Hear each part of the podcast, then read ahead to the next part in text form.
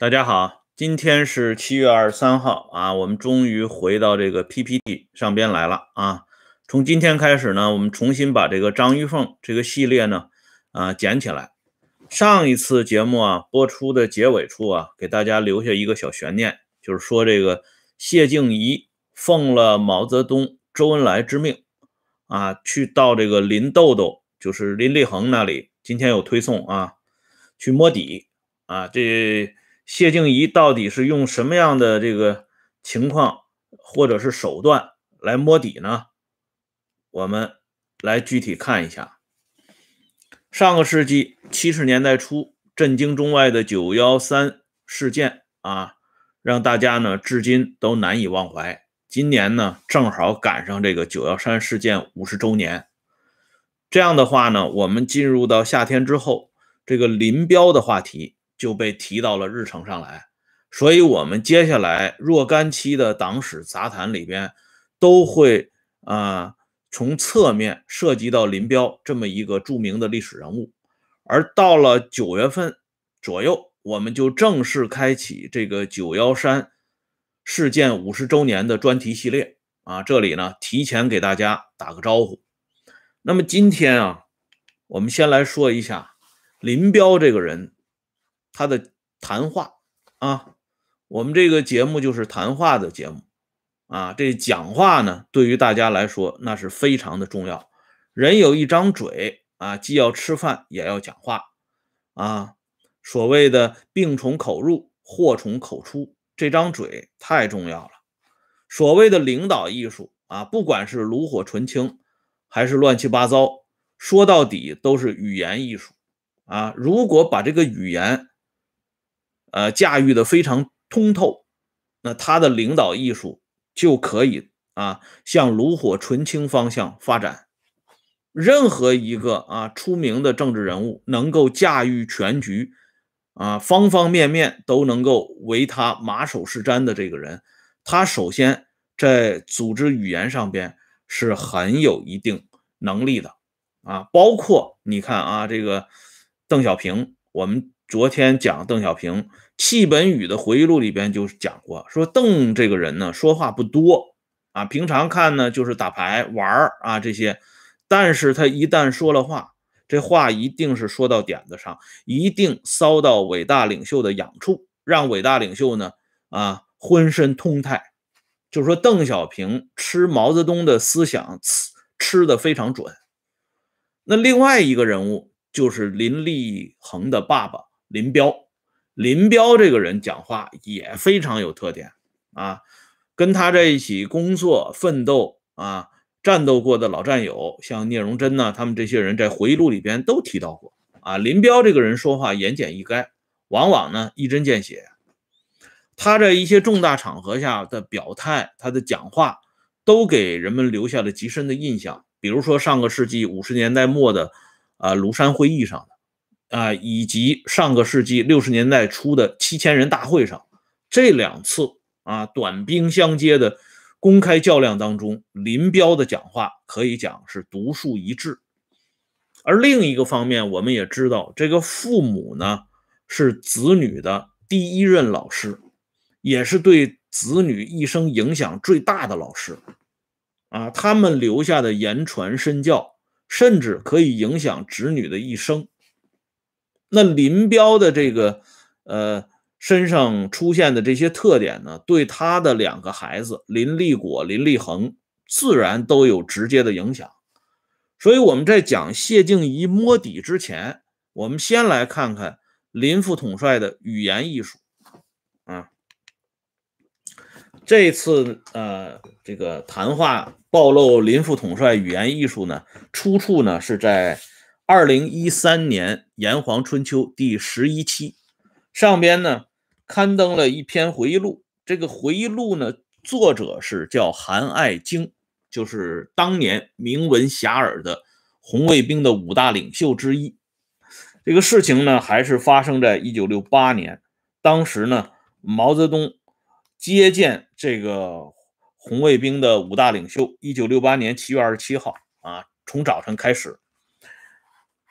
在毛泽东同韩爱京、聂元子啊、蒯大富这些人谈话过程当中，突然就涉及到这个学习这件事情，就是受教育程度这件事情啊。这个话呢是毛泽东引出来的啊。毛泽东就谈啊，在学校里学没什么意思啊，这年头学哲学有什么用呢？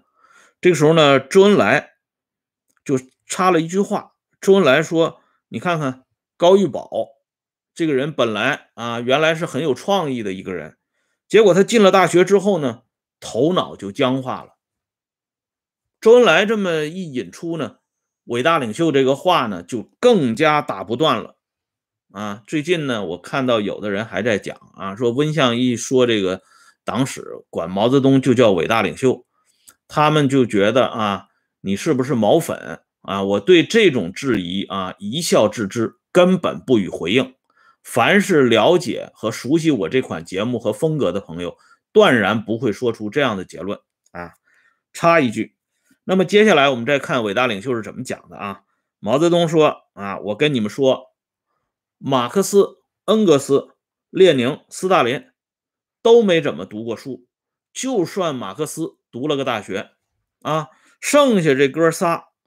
都没有完成中学，啊，你像恩格斯中学都没有毕业，就到他爸爸的工厂里去当会计了，啊，然后呢，话锋一转，就说到这个苏联最有名的文学家，苏联的鲁迅啊，高尔基，在苍茫的大海上高傲的飞翔的海燕的高尔基啊，伟大领袖是这么说苏联的这个海燕的啊，他说高尔基就读了两年小学。比江青还差，江青读了六年，高尔基就读了两年。毛泽东说了两次啊，江青读了六年。哎，这个时候呢，叶群插个话，叶群说江青同志自学很刻苦。叶群这个话呀，插的很好，说明叶群这个人脑子还是很灵光的。这个时候呢。伟大领袖就谦虚了。伟大领袖说：“你不要又吹他啊，这个学问不是靠在学校里学出来的啊，因为提到了马克思、恩格斯、列宁、斯大林这些这个无产阶级革命导师。那么伟大领袖自己呢，也现身说法。毛泽东说他自己啊，他说我念书好几门学科我是不念的，因为念也没有办法，有的考试我就交白卷。”考几何的时候，我就画了一个鸡蛋，这不就是几何吗？因为就这一笔，所以我在班上交卷最快啊。这毛泽东呢，就讲自己这个学习的经历，既不努力学习啊，也喜欢交白卷。为什么那个年代呢出现白卷先生张铁生，一点都不奇怪，因为伟大领袖早在几十年前就已经做过一回张铁生了啊。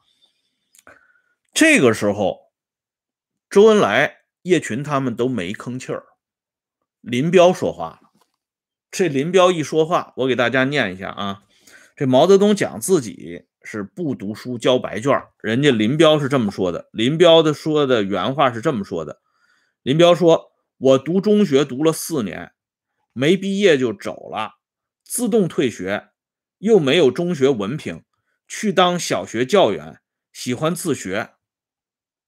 这个话一说出来呢，大家听一听，这语境、这感觉，让人们就觉得特别的突兀啊！因为领袖自己都说了，他都不怎么学习啊，他都交白卷然后呢，林副统帅说他读中学读了四年，而且呢，还喜欢自学。刚才叶群吹捧这个江青，就说江青自学非常刻苦。不知道林彪是没听见呢，还是没走心？他突然来了这么一句，这样呢，这个聊天呢就有点尴尬了啊。伟大领袖呢就赶紧把这个画风呢继续转啊。伟大领袖就说了：“现在办的军事学校害死人啊！黄埔军校啊，黄埔军校大家都知道，那么有名的军事学校。”毛泽东说：“你们知道有多长吗？三个月、六个月。”意思呢，就是黄埔军校那么有名，其实，在军校里学习的时间也很短，最多也不过就是半年。可是这个时候呢，林彪又说了一句话，林彪说：“黄埔一期、黄埔二期、黄埔三期只有三个月，到了四期，啊，到了黄埔四期加长了。”这个话呀，简直就是让人没法接了。因为刚才伟大领袖刚说完，这黄埔军校最多就六个月，而林彪补充的这个话呢，把前三期啊，倒是按照领袖的这个呃画风呢给顺下来了。前三期都是三个月，到了四期加长了。林彪就是黄埔四期出来的，那言外之意岂不是等于我林彪学的就比前三期学的更长了吗？那么林彪打仗为什么这么厉害？还不是因为在军校里待的时间比前三期长吗？那么再往下说呢，就更有意思了啊！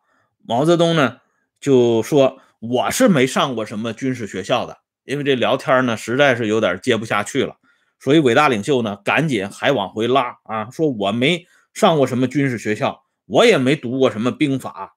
有人说我这个打仗靠《孙子兵法》。《孙子兵法》我没有看过。按说呢，这个时候啊，领袖需要有人给抬抬轿子，因为领袖既不懂几何算术啊，也不读这个《孙子兵法》，可是呢，掌上千秋史，胸中百万兵，席卷天下，威震全球啊。这个时候，如果有人给领袖稍微抬一下轿子，领袖的伟大光辉形象，那自然是。啊，喷薄而出啊！所以呢，林副统帅就出来了。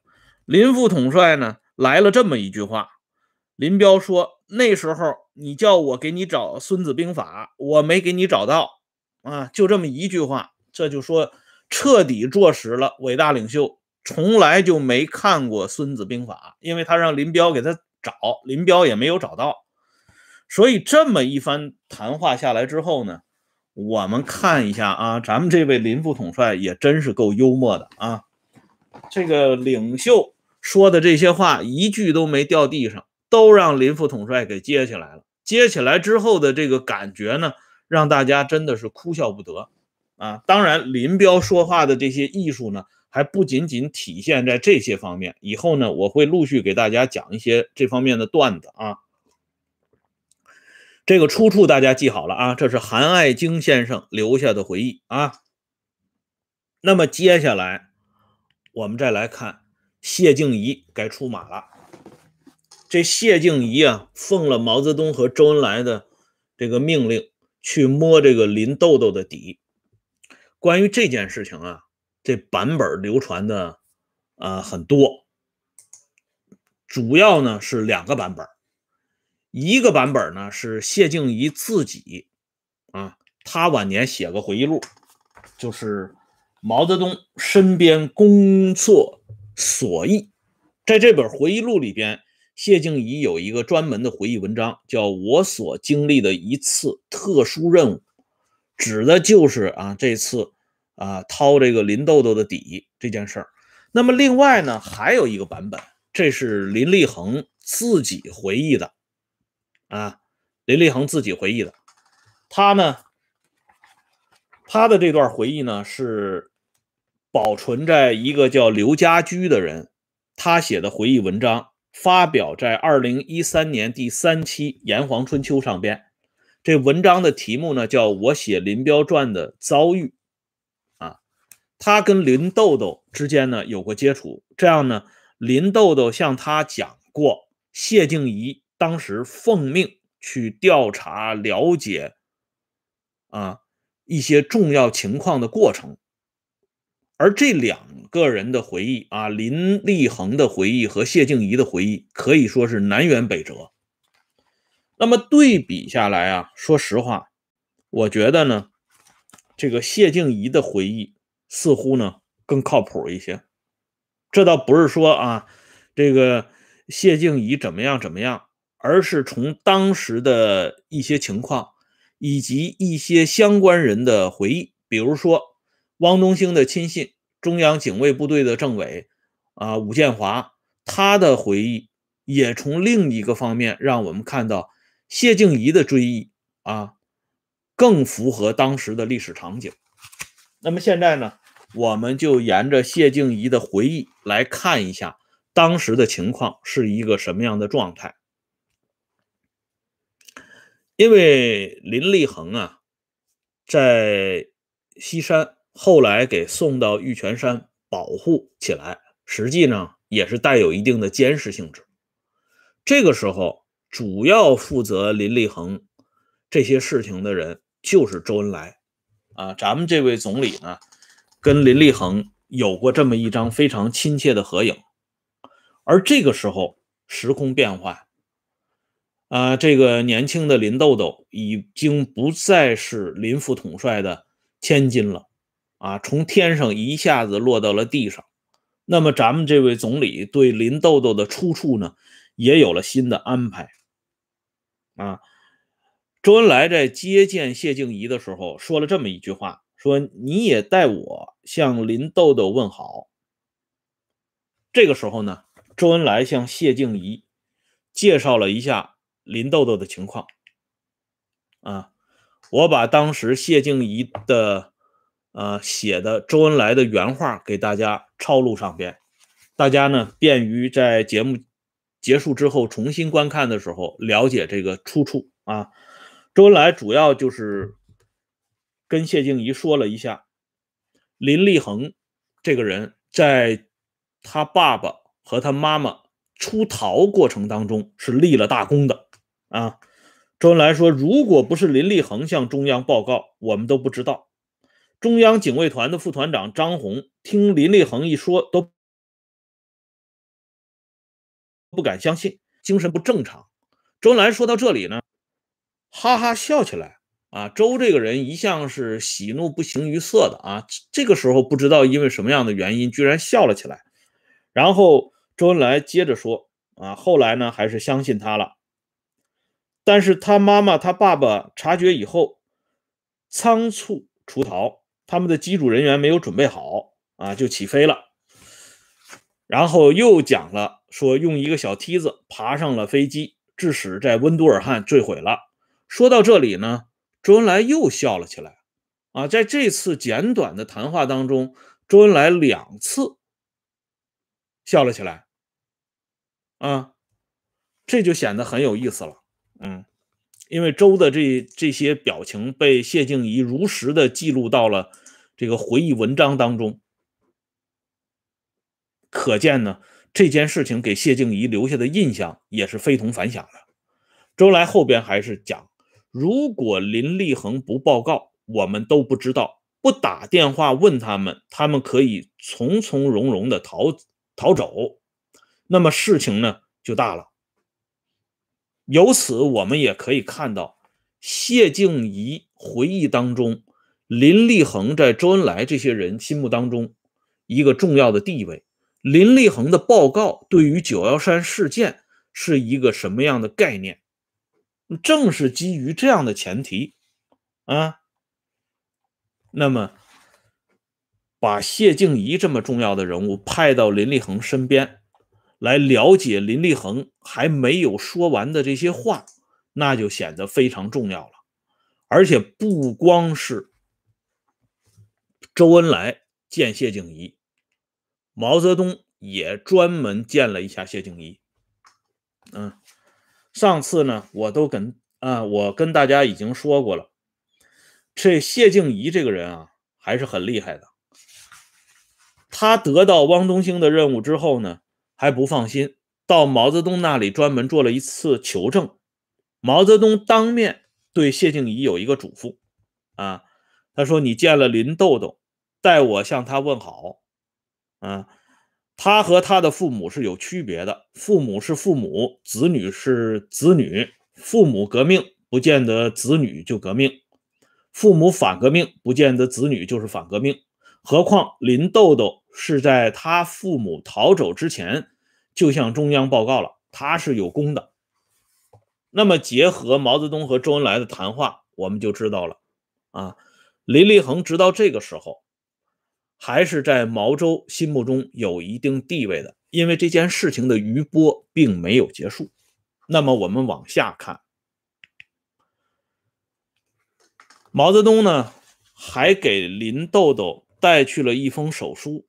这封手书呢，不是谢静怡回忆的，谢静怡的回忆录里边没有提到有这么一个手书，而是在刘家驹的回忆文章当中啊提到的啊，用手书来解释还不准确，是口信儿啊，是带来了毛泽东的口信儿啊。这个原话呢，我给大家已经打上了，这是林豆豆告诉刘家驹的。嗯，毛泽东说：“豆豆不要伤心。”你是立了大功的，你们家分两派。我在一个月前就听说了，好好注意身体。毛泽东十月六号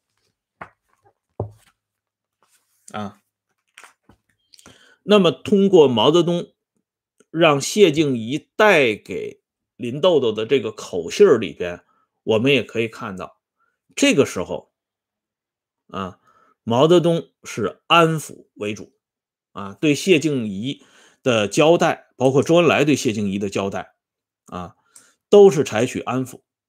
而谢静怡在这个时候，他怎么样从林豆豆那里拿到伟大领袖和周恩来交代给他的这个任务，就是说他想要拿到的东西，这就要显示出谢静怡的力度了。而这个时候呢？我为什么讲啊？前面讲说这个林豆豆本人的回忆呢，显得有点不切实际啊。与谢静怡的回忆相比呢，谢静怡的回忆更靠谱一点。这个原因就在这里，因为据啊林立恒向刘家驹讲述的是这样啊，就是谢静怡凛然地告诉林立恒：“你要放明白，主席派我来。”不是听你宣传的，你交代好了，还能给你保留《空军报》副总编辑的位置。谢静怡要林豆豆不要再冥顽不化，和家人划清界限，再立新功。这样的话啊，林立恒的这个回忆就让我们觉得前后不搭界，因为从毛泽东、周恩来啊，包括汪东兴、武建华他们这些人的回忆。我们看到，那个时候对林立恒这样一个重要的目击人，还是要采取安抚的态度，啊，没有必要刺激他的情绪，所以谢静怡不会开门见山就拔刀而出，啊，这么直眉愣眼的向林立恒表态，啊，向林立恒亮剑。况且刘家驹的回忆当中也提到毛泽东出事的这个口信儿。毛既然能够出示这样的口信，显然不是让林，呃，不是让林立恒来听谢静怡的审问的。所以这个时候，谢静怡的回忆反而呢显得比林立恒的回忆更靠谱一些。这就是之前我为什么会得出这样的结论。那么谢静怡啊，在从周恩来那里出来之前。周恩来还专门交给谢静怡一份材料，啊，是通过王良恩中央办公厅副主任王良恩那里拿到的，啊，周恩来专门嘱咐谢静怡说：“林立恒写的东西直接送主席好，主席只批给了我和李德生同志看，看完我们都把它保存在保险柜。主席认为有必要批给政治局同志看的，就印发给政治局的同志。”因为周恩来特别告诉谢静怡，林立恒写的东西，主席非常重视。那么话说到这里，这个任务就更明确了，就是要通过谢静怡，把林立恒还没有说出来、没有写出来的东西，彻彻底底的说出来、写出来。说白了，谢静怡干的就是诱供的事儿。既然是诱供，哪能上来啊？就这样单刀直入的让林立恒坐在被审讯者的位置上呢？由此我们可以看到，林立恒的某些回忆是靠不住的。好了，今天的话题呢，我们就先说到这里。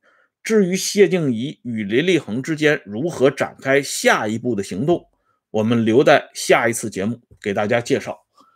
谢谢大家上来收看和收听，欢迎大家关注温相说时政会员频道啊，周一到周五经常会有更新。今天就是刚刚更新啊，因为有突发事件上来。再见。